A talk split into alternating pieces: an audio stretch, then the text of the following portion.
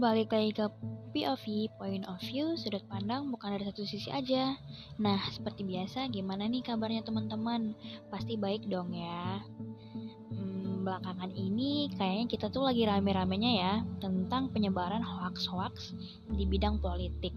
Nah, hal ini adalah salah satu bentuk dari kegaduhan demokrasi. Dalam bahasa Yunani, demokrasi berasal dari kata demos yang berarti rakyat dan kratos yang berarti kekuatan. Apabila digabungkan, akan memiliki, akan memiliki makna kekuatan rakyat. Dari semua sistem negara yang ada di dunia dan yang pernah dicoba, demokrasilah yang menjamin hak suara seluruh rakyat negara tersebut. Semua orang punya kesempatan yang sama. Demokrasi itu berisik tapi indah. Demokrasi kadang tidak adil, tapi semua orang punya kesempatan untuk berjuang mempertahankan hak-haknya. Demokrasi Pancasila adalah demokrasi pilihan negara Republik Indonesia.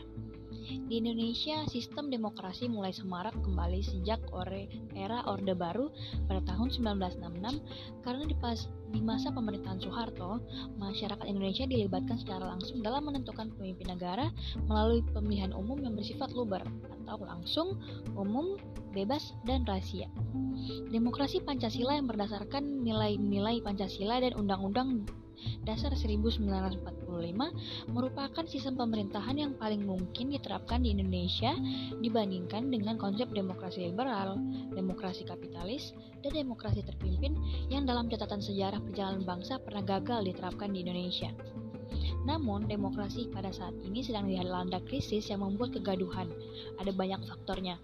Yang pertama ialah rendahnya kepercayaan terhadap pemerintah dan politikus. Yang kedua, penurunan jumlah keanggotaan partai politik. Dan yang ketiga ialah regulasi pemerintah yang dianggap tidak transparan. Lalu bagaimana cara kita meredam kegaduhan demokrasi yang sedang terjadi ini? Ada dua cara yang bisa saya rangkum. Yang pertama ialah tentu saja dari pemerintahnya. Kegaduhan dan keributan pasti terjadi ketika tidak adanya satu paham antara pemerintah dengan rakyatnya. Pemerintah harus lebih giat lagi mendengarkan suara rakyat karena itulah fungsi dari demokrasi itu sendiri. Apa pun bentuk sistem pemerintahannya, jika benar dilaksanakan tanpa ada keserakahan, keinginan menjadi superpower, maka semuanya pasti akan berjalan dan bermanfaat dengan baik.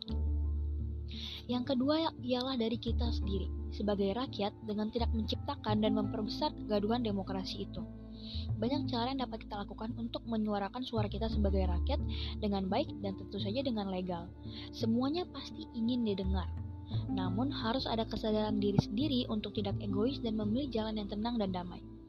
Kita juga harus saling mengingatkan kepada teman kita atau bahkan kepada keluarga kita sendiri untuk menciptakan demokrasi yang bermartabat. Nah, sebagai penutup podcast kita kali ini, aku mengutip kata-kata dari mantan Perdana Menteri Inggris, yaitu Winston Churchill. Demokrasi adalah sistem pemerintahan paling buruk, tapi tidak ada yang lebih baik dari itu. See you on my next podcast. Bye bye.